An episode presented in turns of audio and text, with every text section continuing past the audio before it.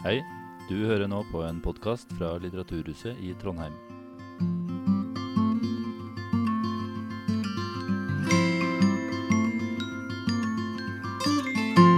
Velkommen hit til Sakprosafestivalen i Trondheim. Veldig trivelig at så mange har eh, tatt turen. Mitt navn er Jenny Westermlein. Jeg er journalist i avisa Nidaros og skal lede den gjengen her gjennom denne samtalen her. Og Temaet for i dag er jo algoritmene som styrer livene våre. Det høres kanskje litt eh, stort og skummelt ut, så vi skal prøve å ta ned det litt. Det er ikke så lenge siden datateknologien bare eksisterte i nettopp datamaskinene våre. Eh, men nå er det overalt, og algoritmene er overalt. Og de styrer hva vi ser, hva vi ser mest av, hva vi hører på, hva vi kjøper.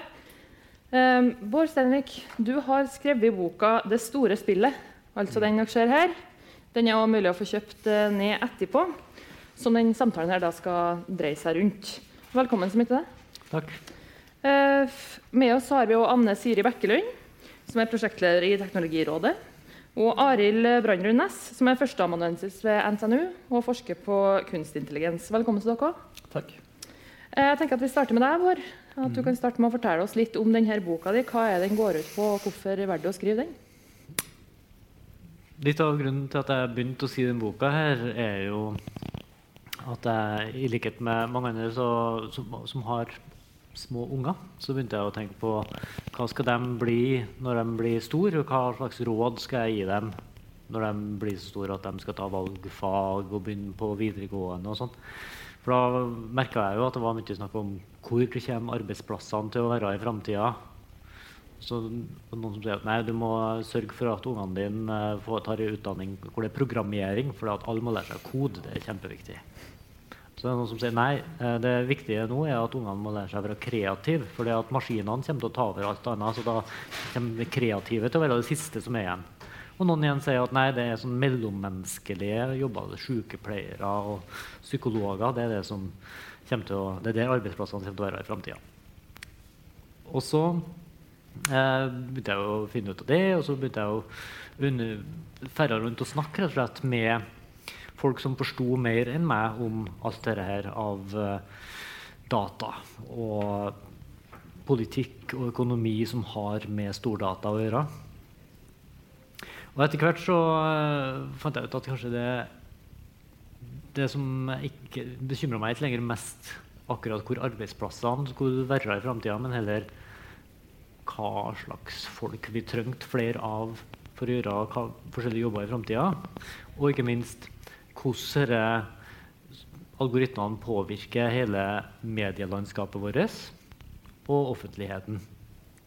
Mer som bieffekter egentlig av det de gjør. Så jeg får fant ut at okay, det er kanskje litt skummelt at, uh, at, Facebook vet hva jeg har lyst til å klikke på.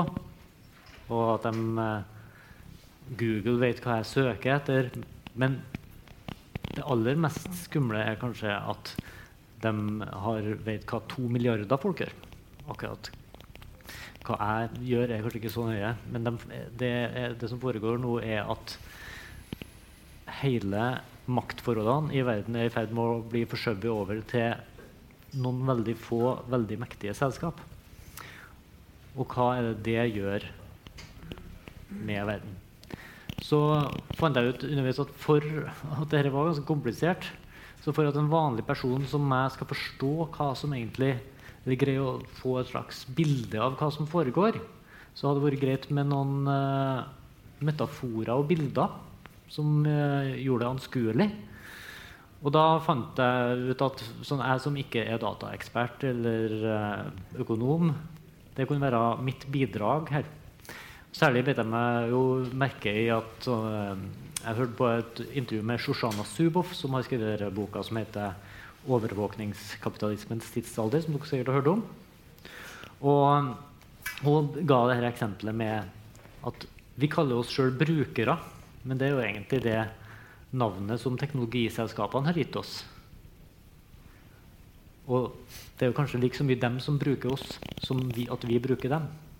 Så da har jo flere folk foreslått f.eks. For digitale borgere Eller vi kan kalle oss sjøl digitale arbeidere. For det er vi som lager data som de, som de, store selskapene bruker. Når vi googler, eller når vi går rundt og bruker fitbiten vår, eller når, da, når robotstøvsugeren vår fer rundt i leiligheten vår og kartlegger den. Så da prøvde jeg å, gruppe, å organisere boka rundt en del sånne metaforer da, for å gjøre det så uh, levende som mulig. Og lage noen bilder av, av hvordan verden er i ferd med å forandre seg. Så det, er, så det, var til slutt var prosjektet med den boka her, vil jeg si.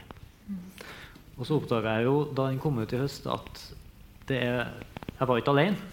Og det er jo veldig oppløftende. Det har kommet en haug med sånne bøker i høst. Og på norsk, da, fra Hilde Nagel og Dag Hareide. og Bjørn Gabrielsen som skriver som, Det er tydelig at det er mange flere som er bekymra for at de store dataselskapene er i ferd med å få veldig mye makt i verden. Mm. Mm. Hva var det som eh, overraska deg mest i arbeidet med boka? Ja, altså En av de tingene som eh, overraska meg, f.eks., var jo at hvor lite som er nytt med det som skjer nå. Altså for det, det, jeg oppdaga at Hvis du kikker litt på historien, så er det veldig mye av det som skjer nå, som minner veldig om ting som har skjedd før. F.eks. det med at du lager sånne teknologiske løsninger, og at alt skal løses med å bygge ting på en sånn ingeniørmåte. Det fant jeg jo en eh, parallell til når, når det gjelder trafikken. Altså, I dag så er det jo veldig mye snakk om sjølkjørende biler. Litt mindre nå enn det har vært kanskje de siste årene, men mange er veldig spent på om de kan bli smart nok til at de gjenkjenner fotgjengere, at de er trygge i trafikken. Og så blir det utrolig mye fokus på det. Og det er jo en interessant parallell til da bilene, altså vanlige biler, først ble innført i trafikken for 100 år siden. Så så vi jo at uh, da var det de ingeniørene som tidligere hadde laga system for kloakk og vann i de store byene, ble satt i verk med å lage system for trafikkavvikling. Men det de gjorde da, var at de laga system som fungerte utrolig godt for privatbiler. Eh, og det som skjedde da, var at eh, da, siden mennesker har psykologi så skjedde det at mennesker kjøpte flere biler og begynte å kjøre mer og mer når gatene ble bedre bedre tilrettelagt for det. Og så ble det fullt i gatene. Og så måtte de eh, bygge bredere og flere veier. Og så ble det enda flere som kjørte. Og så fortsatte det bare sånn fordi at de hadde ikke tenkt over den menneskelige psykologien. Og det ser vi jo og akkurat de teknologiske skylappene har vi sett mer av nå i eh, litt samme nå. Altså, du får folk som skal lage f.eks. Et, uh, et nettverk hvor du skal koble folk sammen på mest mulig effektiv måte over hele verden. Men det er ikke så mange som jobber i det selskapet som har kunnskap om uh, som er f.eks. sosialantropologer eller psykologer. Og da får du veldig mange sånn, Da får du f.eks. et system hvor det dyrkes fram konspirasjonsteorier i stort, uh, i stor, eh, i stor mengde. Og du får òg sånn at du, du, får, du, stimulerer til at folk blir drept i Myanmar f.eks. For fordi at det sprer seg eh, sånne eh, masse, masse, frykt for enkelte folkegrupper som så blir utsatt for vold. Og det, så jeg fant hele tida den typen paralleller i historien Altså informasjonseksplosjon på 1500-tallet etter at uh, trykkpressa ble funnet, f.eks. Minner litt om det som var i dag. Da, og næringsmiddelindustrien som laga fake food på slutten av 1800-tallet. Nå minner om det, om det som skjer i dag. Og da syns jeg det var veldig nyttig å se de her historiske parallellene for å få zoom litt ut og få et klarere perspektiv på det som skjer i dag. Mm. Vi skal litt tilbake til det etterpå, men jeg tenkte å få med dere andre litt òg. hva er det her med algoritmer egentlig? Hva er det du og f.eks. Arild, tenker på når vi snakker om algoritmer? Uh, en algoritme er jo bare en oppskrift. Uh, Bård bruker et bilde i boka si at det er som en kakeoppskrift. Liksom. Og du kan si at mer sånn teknisk så kan du si at En algoritme er en abstraksjon av et dataprogram og forholder seg litt til selve dataprogrammet som kakeoppskrifta forholder seg til kaka du baker. Du kan velge å programmere den i flere programmeringsspråk og forskjellige måter for hvert av dem, men algoritmen er liksom da ideen bak i en veldig sånn formell og, og eh, konkretisert forstand. Mm. Enn du, Anne Sire, hva er ditt eh, forhold til algoritmer? ja, nei, eh, jeg tenker, altså for, for, de fleste praktiske formål, og sånn som vi snakker om det nå, det, det vi på en måte diskuterer her, er jo egentlig det er jo dataprogrammer. altså dat programvare. Det er jo det vi egentlig snakker om litt sånn bredt. Det betyr ikke at alle algoritmer er programvare. Mm. uh, men, men, det er jo på en måte bare uh, Det er jo bare alle de dataprogrammene vi, vi omgir oss med. Og, som, og, så kan man kanskje legge til som, som tar en eller annen form for beslutning eller gir oss et eller annet resultat. Du putter noe inn, og så får du noe ut. I hvert fall i de fleste, fleste tilfeller. Det er, det er jo et sånn det er litt sånn spørsmål om, man, om den formelle uh, definisjonen, som ikke jeg er så god, god, på å definere konkret, men, men vi, det vi snakker om at vi er, eventuelt er redd for, eller det som vi er bekymret for, det er jo på en måte hva når, når dataprogrammer styrer mm. mer av uh, ja, mediene, samfunnet og alt rundt oss, egentlig. Mm. Ja, det er jo interessant hvordan algoritmer har gått inn i liksom, uh, kulturen, den vanlige sam samtalen, samtidig som man liksom har kommet til maskinlæringens tid der en del av disse algoritmene gjør ting man ikke forutser. For altså, en algoritme er jo strengt tatt liksom noe du programmerer med litt sånn hvis-så-logikk. Men det som er da eh, spesielt for maskinlæring, er jo at du, uh, du gir en maskin noe data, og den bruker det til å nærme seg et eller annet mål som du definerer. Og det er ikke alltid du vet hvordan det nærmer seg det målet. Så du har eksempler på sånne prøveløslatelsessystemer i USA for eksempel, som da finner ut at en lettvint proxy for hvorvidt noen skal prøveløslates, er hvorvidt de er hvite eller svarte. Fordi de dataene de har fått inn, tyder på at det er vel så avgjørende som noe annet. Og det er da et, da et eksempel på noe man aldri ville ha forhåpentligvis da, eksplisitt bedt den om, men som man da kan oppleve at et maskinlæringssystem gjør. Mm. Mm. From Presto, ja, beklager. Nei, nei altså, det, det, er jo interessant at um, sånn, Et annet eksempel er jo det at hvis du lager et rekrutteringsprogram, og så sier du at uh, her er sånne folk som har jobba i dette selskapet her før, og så vil jeg, sånn som Amazon har prøvd å lage et sånt, f.eks., og så vil, vil, du gjerne trene opp et program. Da, da, så, da går det programmet gjennom veldig mange sånne, uh, hvor det, runder hvor det prøver å feile en million ganger. Og til slutt så har det funnet en metode som, for, å lage, for, å hente ut en gruppe fra søkermassen som minner om den gruppa som de ønsker seg. Men, og da er det ikke bestandig at de som har laga programmet, vet akkurat alle all de variablene som det programmet ser etter. Men hvis at den uh, gruppa som det plukker ut, ligner på den gruppa som de ønska seg, så fungerer, fungerer, det bra. Men da er det jo nettopp det at det programmet ikke er intelligent som er problemet. på en måte, For det, det programmet er bare en sånn avansert statistikkmaskin. Og det som skjer, er jo ofte at hvis man begynner å se nærmere etter, så ser man at programmet har lært seg for å plukke ut hvite menn. da, fordi at det ligner på det som det ble bedt om. Mm. At det har lært seg f.eks. å filtrere ut mennesker med merkelige etternavn. Sånne ting. Mm. Uh, de fleste av oss forholder seg jo til algoritmer i hverdagen. Vi snakker jo om at ja, det er algoritmen på Instagram som gjør at jeg ikke får opp dine innlegg. Eller ja, det var det som gjør at jeg fikk denne reklamen. Men hvor omfattende er egentlig det her? Hvor mye styrt blir vi av de her algoritmene? Veldig mye. Det siste tallet jeg hørte, var vel at 80% minst av alt vi foretar oss på digitale plattformer, det gjør vi fordi det har blitt foreslått for oss av algoritmen. Da. Så det, det, er i hvert fall ett tall som tyder på at uh, vi kanskje ikke er så selvstendige og frie når vi, uh, når vi ser ting på Netflix eller, uh, eller, leser noe på Facebook, som vi tror. Mm. Mm. Det er jo, jeg lurer på om jeg har hørt det tallet på, om YouTube, at det er 75 hvert fall som av de videoene vi ser som vi bare om det ikke var mer, som, vi, som vi får foreslått for oss. Sant? Det er egentlig relativt sjelden at du går inn på YouTube og så finner du en video som du hadde tenkt å lete etter, men som regel så klikker du bare på et eller annet som du får opp som en del av de forslagene.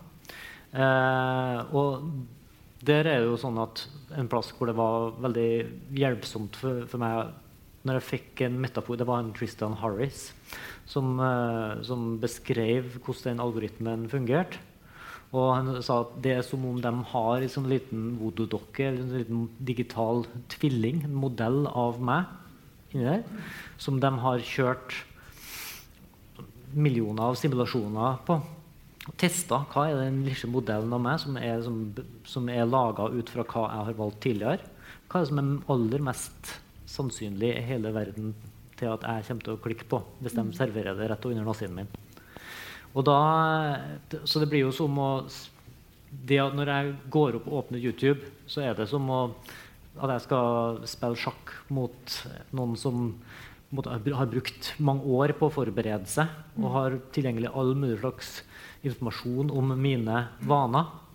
Og det bildet da, av den der, digitale tvillingen som de har inni der og tester alt på, det syns jeg var et veldig nyttig bilde. Og det er jo selvfølgelig man må passe seg for at man ikke begynner å se for seg at det virkelig er noen vesener inni der. For det er, ikke, det er jo bare statistikk.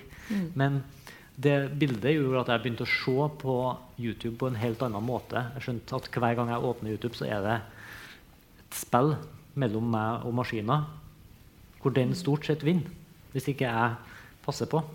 Og det de har funnet ut, da, og som er litt av problemet med det YouTube-algoritmene, er at Sannsynligvis uten at noen av dem som programmerte, hadde lyst til at det skal fungere sånn.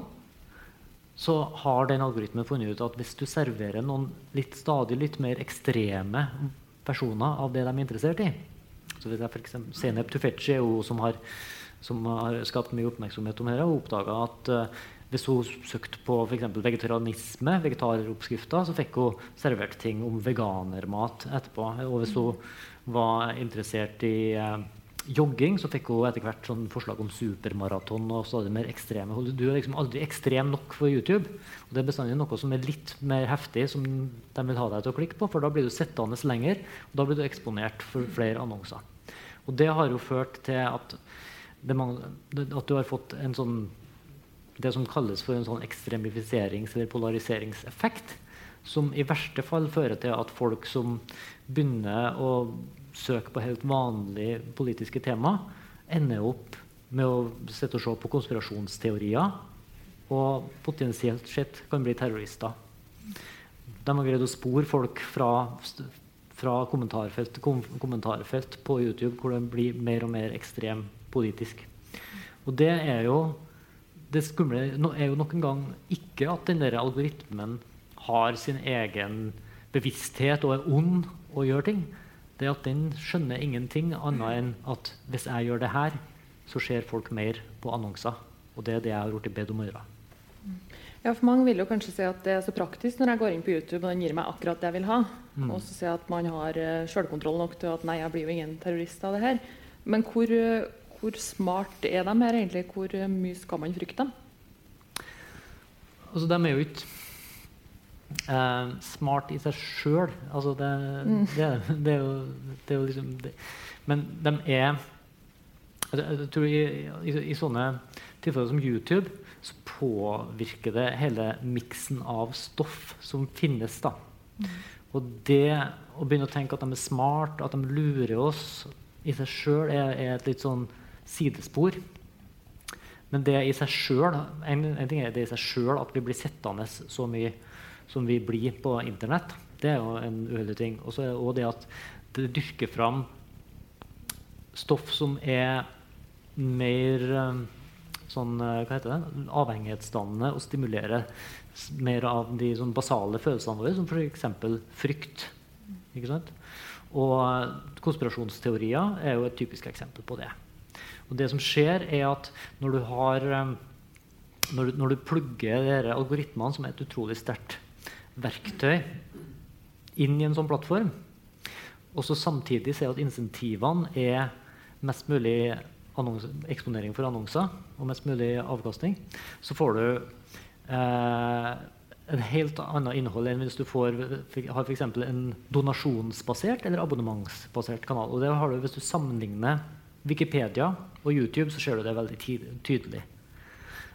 På Wikipedia så er det sånn at vi går inn og så får vi stort sett ganske nøytral og god informasjon. Og det er jo fordi at Blant annet fordi at det er ikke sånn at uh, dem som skriver ting på YouTube, tjener på å bli eksponert mest mulig. Og, og, sånn at Wikipedia Sa jeg YouTube, eller sa jeg Wikipedia?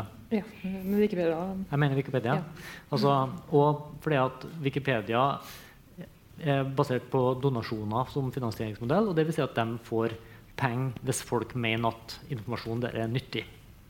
Mens på YouTube så er det eneste som har noe å si, er at folk bruker mest mulig tid og sitter og kikker på ting. Og da er det sånn at det stimulerer innhold som spiller på basale følelser. ikke sant? Som, uh, som består på frykt, begjær eller sinne eller sånt. Pluss at de som legger ut innhold, da får, får uh, avkastning jo mer og mer klikk de får. Og da får du et uh, system som, som systematisk dyrker fram konspirasjonsteorier, f.eks.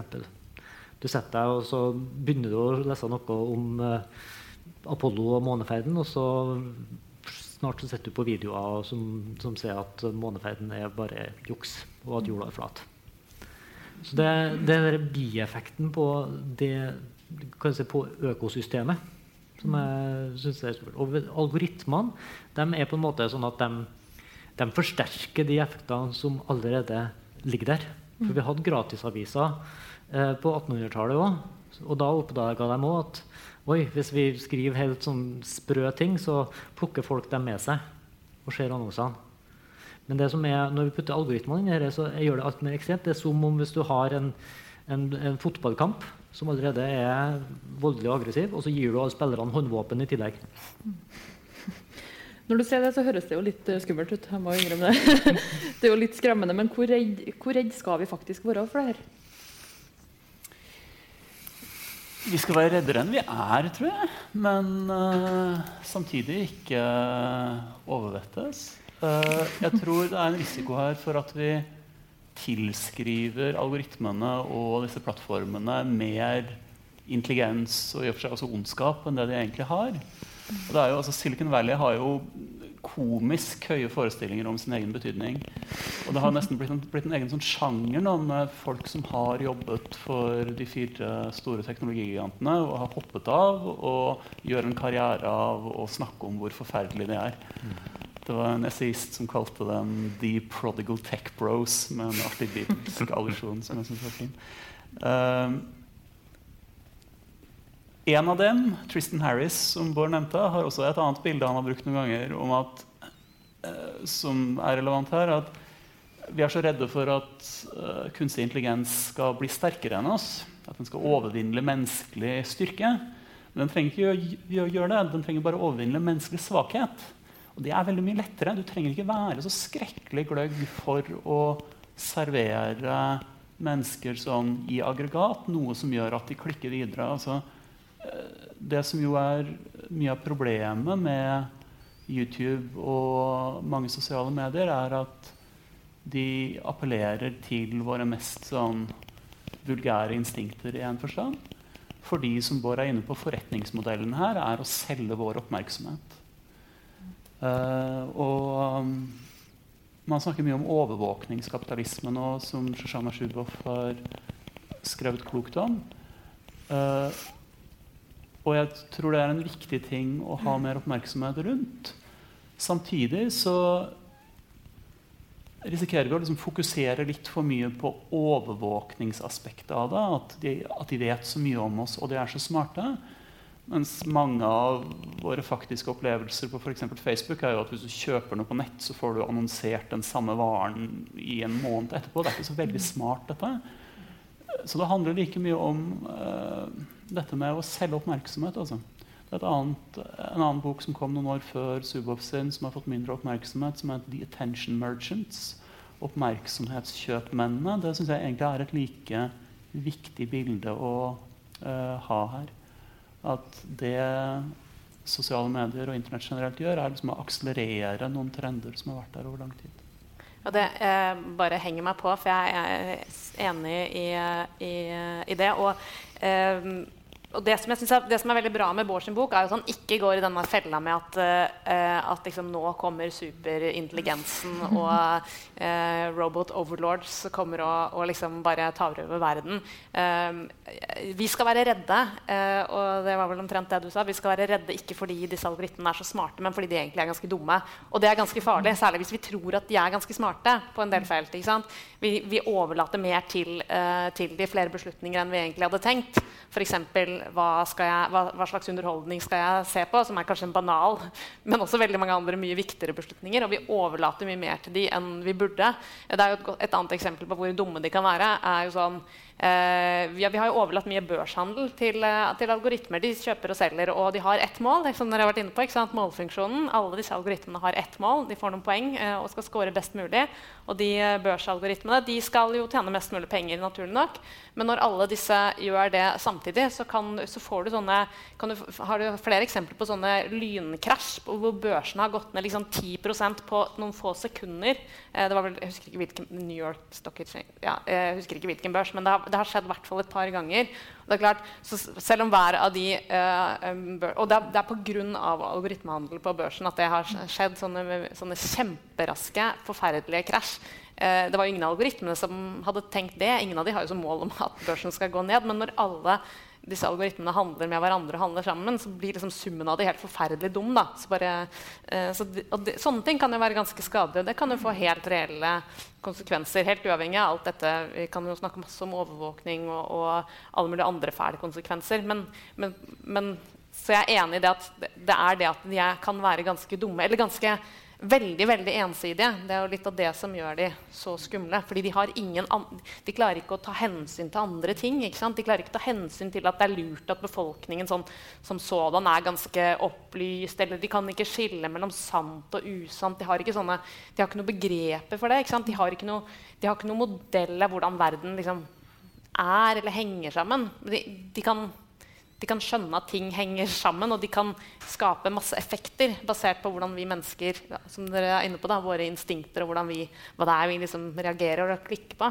Så, og, og, det kan skape veldig mye trøbbel for oss, spesielt hvis vi ikke er klar over det. Så det er også en annen ting jeg tror er veldig bra. Og bra at, at vår sin bok kommer ut, og mange andre bøker om det temaet. At vi får liksom i gang en diskusjon om det. Da. At ikke det bare blir en sånn um, eh, sak som noen veldig, folk med veldig særinteresser sitter og diskuterer. Så, ja, så vi skal være redde, men for riktige ting. På riktig grunnlag. Kan jeg bare slenge på én ting om det med, med mm, som, vi, som, vi, skal da være redde for, men, men, også følge litt med på? Det er jo nettopp de derre eh, Vi skal huske på at disse store selskapene som har dette som forretningsmodell, Uh, og at eksempel, Spesielt når de posten, dette med påvirkning og, og, det har jo helt klart eh, store muligheter for påvirkning på enkeltmennesker. Men vi skal også huske på at det er jo, de selger jo dette. ikke sant? Eh, eh, selskapene som bruker Facebook og bruker andre sånne kanaler til å, å påvirke folk, de, de, vil jo gjerne at folk skal tro at de kan påvirke folk. fordi Hvis ikke så er det ikke noe vits i for annonsøren å bruke penger på dem. Så det har på en måte det har på en måte to sider. Av og til kan det være vanskelig å vite hva som egentlig er fakta, og hva som er innsalg. Mm. Det kan skape mye trøbbel for oss, der, det såkalte, men hva, hvorfor er vi fortsatt godtale? da? Er at vi ikke vet bedre?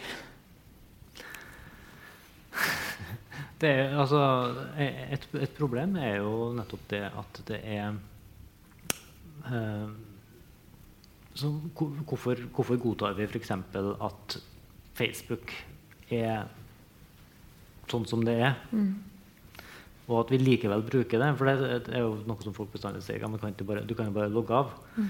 Men vi har jo kommet til en plass hvor Facebook sitt monopol er jo så sterkt at det i praksis Hvis du, hvis du er en familiefar som har noen unger som er med i korps og idrettslag og skole, og du jobber en plass hvor kontorfellesskapet har en Facebook-side altså det er veldig vanskelig i praksis å ikke være med på Facebook når alle andre er der. Mm.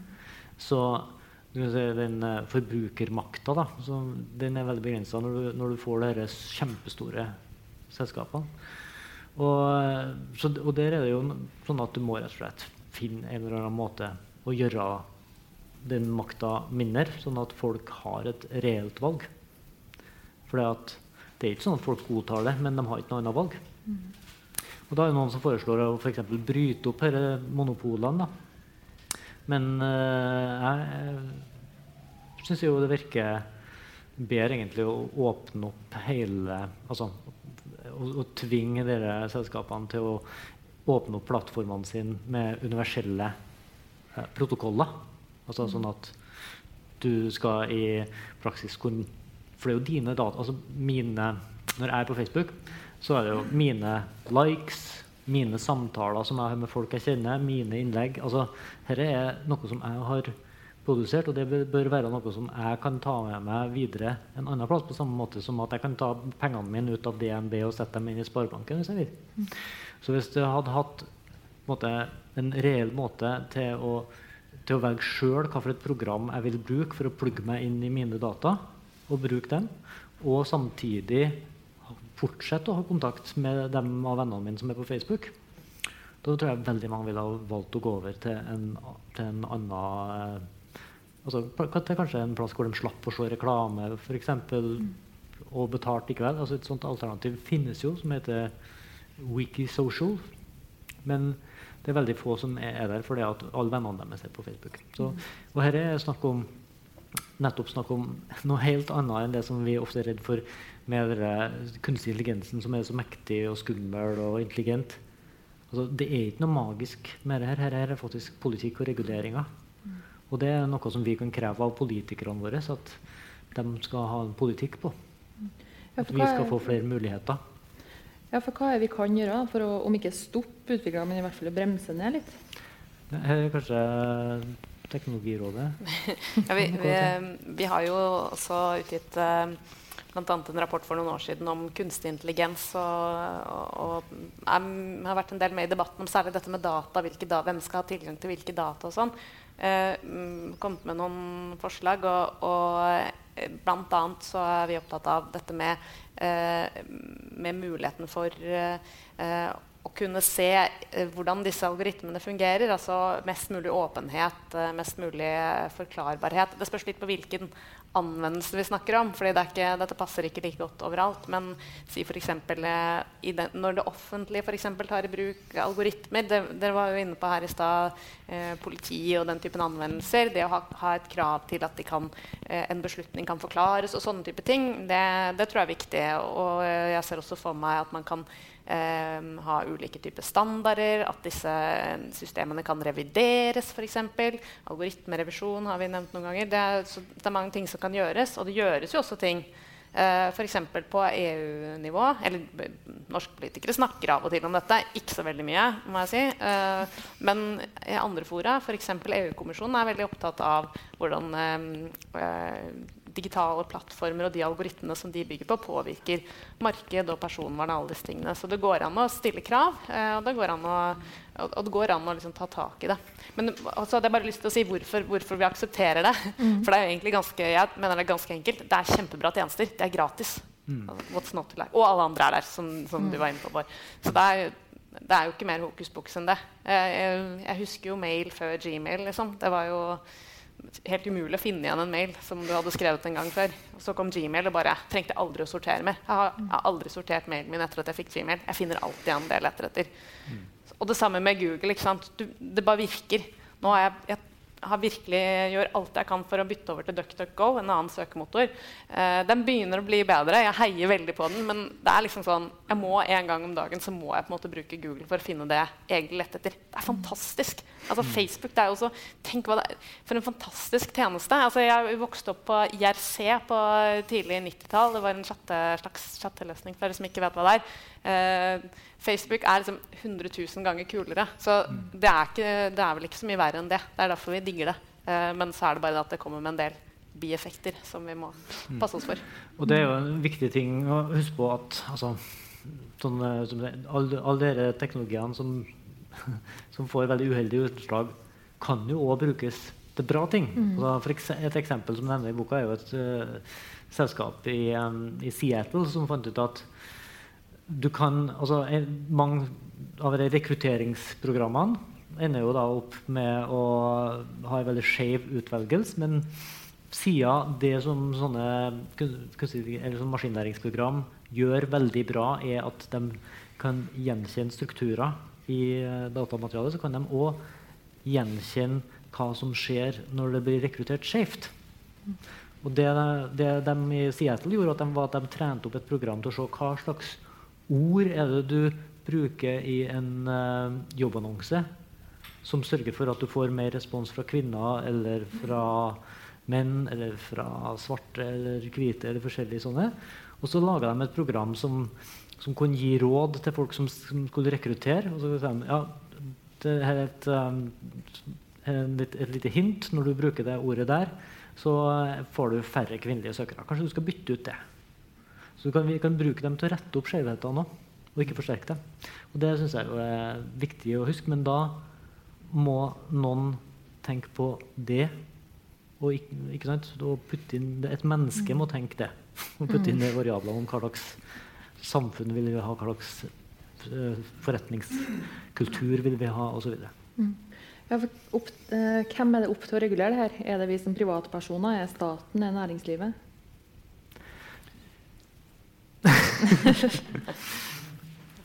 Altså, jeg, jeg, jeg, tror, jeg, tror, Det er ikke sånn at du må si én ting Nei, det er regulering, det er forbrukermakt. Det er, jeg tror det er alle disse tingene her. Og veldig mange snakker jo for om at vi må, dette må angripes på EU-nivå. fordi at de amerikanske selskapene er så sterke på ene sida, Kina er så sterk på andre sida. Så for å være ei sterk nok blokk så må vi inn på toppen av EU. Men jeg mener at hvis du ser på, det, Særlig fordi dette er et såpass nytt felt. så er Det som veldig ofte skjer, er at folk peker og sier ja, men se hva de gjorde i Singapore. Eller se hva de gjorde i Barcelona på Decode-prosjektet.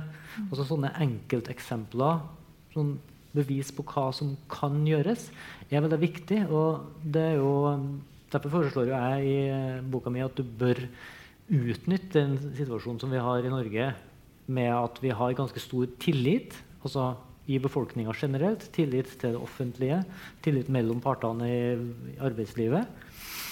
Og at vi har en ganske bra velferdsstat, god økonomi, høyt utdannet befolkning, til å vise at det faktisk går an å samle inn data på en forsvarlig måte. Så hvis vi klarer å bygge opp jern i, altså i de store byene, sånn som de har begynt å prøve i Oslo med Origo, eh, og vise at ja, det går an å ha, ha en uh, måte å samle inn uh, f.eks. transportdata eller uh, andre data for at vi skal kunne bygge god infrastruktur i velferdsstaten. Og det kan vi da gjøre på en måte hvor vi ivaretar uh, folk sin privacy på norsk. personvern. Ja. Ivaretar personvern og involverer folk fra bunnen i en sånn demokratisk prosess om hvordan de vil at dataene deres skal brukes. Som et som for å vise at det går an å gjøre på den måten, og ikke sånn som de gjør det i Kina uten å spørre folk. Og ikke sånn som de gjør det i, i det store dataselskapet fra USA og ikke spørre folk. Og da kan vi gå sammen òg, gjerne i Norden, som, hvor vi har flere nasjoner som har ganske høy tillit, bra velferdsstat. Så kan vi vise som et sånt stort eksperiment at dette her går an. Og da tror jeg at for det du ser nå er at Kongressen i USA de ser på hva som skjer i Europa og lar seg inspirere av det. Hvis Europa da kan la seg inspirere av, inspirere av, oss i Norden, og Norden kan la seg inspirere av oss i Norge, så tror jeg at de små laboratoriene, de små eksperimentene, kan ha stor innflytelse. Det er mange som sier at vi nå er litt som uh, arbeiderne før arbeiderbevegelsen. Liksom. At vi vaker rundt i et stort sånn uregulert uh, datasamfunn og blir utnytta og har lite vi skulle sagt. Eh, eller at vi er som livegne bønder under noen sånne føydale teknologigiganter.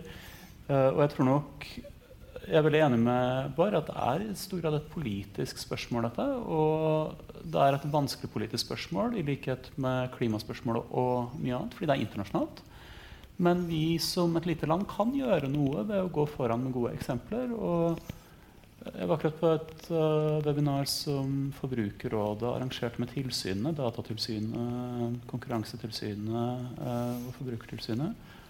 Og de har noen eksempler på at de har fått til ting. Altså ved at enkeltland går sammen og, og, og, går til sak. Men det er veldig få mennesker da, som jobber med dette. Så det viktigste vi som enkeltpersoner kan gjøre, er å legge press på våre politikere i forhold til disse spørsmålene for å få mer oppmerksomhet rundt det politisk. Og da forhåpentligvis få mer ressurser til å jobbe politisk på tilsyns- og statsnivå med disse tingene. Ja, jeg, jeg, tenker, jeg, tror vi alle er enige om at dette er ikke et det kan i hvert fall ikke bare være et sånn personlig ansvar. Sånn, det har jo vært en sånn stor bevegelse sånn mine data, mitt valg, og det er, kanskje, det er kanskje vel og bra, men dette handler jo ikke um, sånn sett bare om personvern. og at Jeg altså jeg har ganske bra personvern, for jeg bruker alle mulige sånne løsninger og, og, sånne ting som blokkerer alle trackere. Ikke alle, da, men ganske god altså, jeg tror, liksom, Mine data er ikke så veldig mye der ute, men det spiller heller ikke så mye rolle. Altså, det er ikke det som er poenget her. Det, jeg, veldig, sånn, jeg mener jeg har en legitim interesse av hva alle andre gjør med sine data, fordi det påvirker samfunnet som helhet. Det kan påvirke, liksom, det kan påvirke hvor, hva slags helseløsning vi får i fremtiden, men det kan også påvirke hvor, hvor, lett det er å manipulere valgene våre. eller den type ting. Så jeg mener at har, vi har alle legitime interesser av hva andre gjør. Ergo så er det politikk og ikke bare liksom, forbrukervalg. Eh, men så er vi også enige om jeg, at det er utrolige muligheter til hva man kan få til, f.eks. på et område som helse. Du nevnte også transport. Eh, det, er masse, det, er utrolig mange gode eksempler på at man kan få til veldig mye og, og løse store problemer i verden. Altså klima altså, Det er kjempemuligheter, men man må på en måte gjøre det på en eller annen måte som fungerer. Jeg er litt mer sånn jeg, um, jeg, er bare litt bekymra for at, skal, at, det som vokser ut av det, blir en sånn datanasjonalisme. Liksom sånn at vi skal sette murer rundt norske data, og så skal vi få bedre helse, men, men de andre land som driver og forsker på dette i et annet land uh, eller på en måte, Nei, det, det, må vi gjøre vanskelig. fordi vi, altså, jeg, jeg, skal ikke si at det var det som ble sagt, men bare, uh, det er også en posisjon som av og til kommer i den debatten. Og det tenker jeg da, da kan det hende at du så det er ikke så lett å si hva som er det beste svaret, men det å gjøre det kan jo også begrense hvilke muligheter du får for å lage gode løsninger. Så det å finne det å finne der, det som EU prøver på, EU-kommisjonen, er å finne en sånn, være den tredje veien da, mellom eh, Kina Vi har, vi har knapt nok snakka om Kina, men vi snakker bare om hvor ille det er for oss. Men altså, hvordan det er for uigurene i Xinjiang, det er ganske mye verre. De, er, de lever jo i orwellsk dystopi av overvåkning, ansiktsgjenkjenning, eh, kredittskåring. alt. Så Det, men det, vi har ikke liksom, vi har, nå snakker vi om oss, og det er egentlig ganske greit, fordi da får vi det litt nærmere oss selv. Men poenget er at det, det, er utrolig viktig å finne en annen vei, men likevel kunne få noen gode løsninger ut av det. Og da tror jeg det å ja, EU-maskinen virker sakte. Uh, byene er mye raskere til å snu seg rundt. Så på de områdene der de har interessante data, som Mm, som f.eks. transport, så tror jeg det er kjempebra hvis vi får noen gode eksempler på, på norske og nordiske byer som, som leverer da, innenfor eh, etiske rammer på alle måter. Det hadde vært spennende å se. Eh, det er ikke bare vårt ansvar, det er dere enige om alle sammen, vi som privatpersoner. Men det sitter jo sikkert mange i rommet som både har veldig godt kontroll på personvern og ikke. Hva er det viktigste vi kan gjøre sjøl for å ta kontrollen over det her? Altså, Skaff dere sånn, eh, sånn eh, tracker-blocking, Skru det på i nettleseren. Altså, det er jo, eh, gå inn i Facebook og bruk tid på å skru av all sånn Jeg får veldig mye rar reklame på Facebook og Instagram. Og sånn, fordi jeg, har, jeg, går hele tiden inn og så sletter det de har på meg. Liksom. Eller jeg, jeg, kan strengt tatt ikke slette det, men, men de får i hvert fall ikke lov til å bruke det for å reklamere for meg. Altså, det er mange sånne ting man kan gjøre. Resultatet blir rart. Jeg får, jeg får reklame for alt mulig merkelige greier. Men, men det, hvis mange nok gjør det, så mister de, jo på en måte, så mister de selvfølgelig noe av eh, appellen overfor annonsørene. Så det, det man, alle monner drar. men det, det, ja, det, må på en måte tas tak i. Må, det er viktigere at man, at man, går ut der og, og på en måte sier sin mening om det. Eh, og, og, sier, og liksom deltar i debatten om det, enn at man går inn og gjør de der, bruker liksom to timer på de innstillingene selv. tenker jeg da. For det har jo ikke så, så mye effekt i det store hele bildet. Mm. Ja, altså, altså noe, be, be, I boka mi så har jeg jo en sånn uh, liste bakerst uh, som er hva, og Der har jeg bevisst ikke skrevet så mye om sånne tekniske ting, men heller de store altså, Sett sett deg inn i politikk og stem ved valg. Bli gjerne medlem av en lokal organisasjon. Mm. Uh, bidra, til, bidra til det norske demokratiet og tilliten mm. uh, i, det, i det, hva heter det, organisasjonslivet. Men, men en, en annen ting er jo f.eks. betale for gode nyheter og god informasjon. Altså å vise at, at den annonsebaserte gratisøkonomien ikke er det eneste som fungerer. Så da kan du finne om det er Tortoise eller The Correspondent eller Aftenposten eller en eller annen medium som du kan betale penger for, og vise at du setter pris på at de gir deg pålitelige nyheter og ikke bare skremselspropaganda og clickbait, det er jo en ting som jeg syns er verdt å gjøre. Mm. Yes, Det var det vi rakk i dag. Eh, tusen takk for at dere stilte opp. Bård Stenvik, Anne Siri Bekkelund og Arild Næss.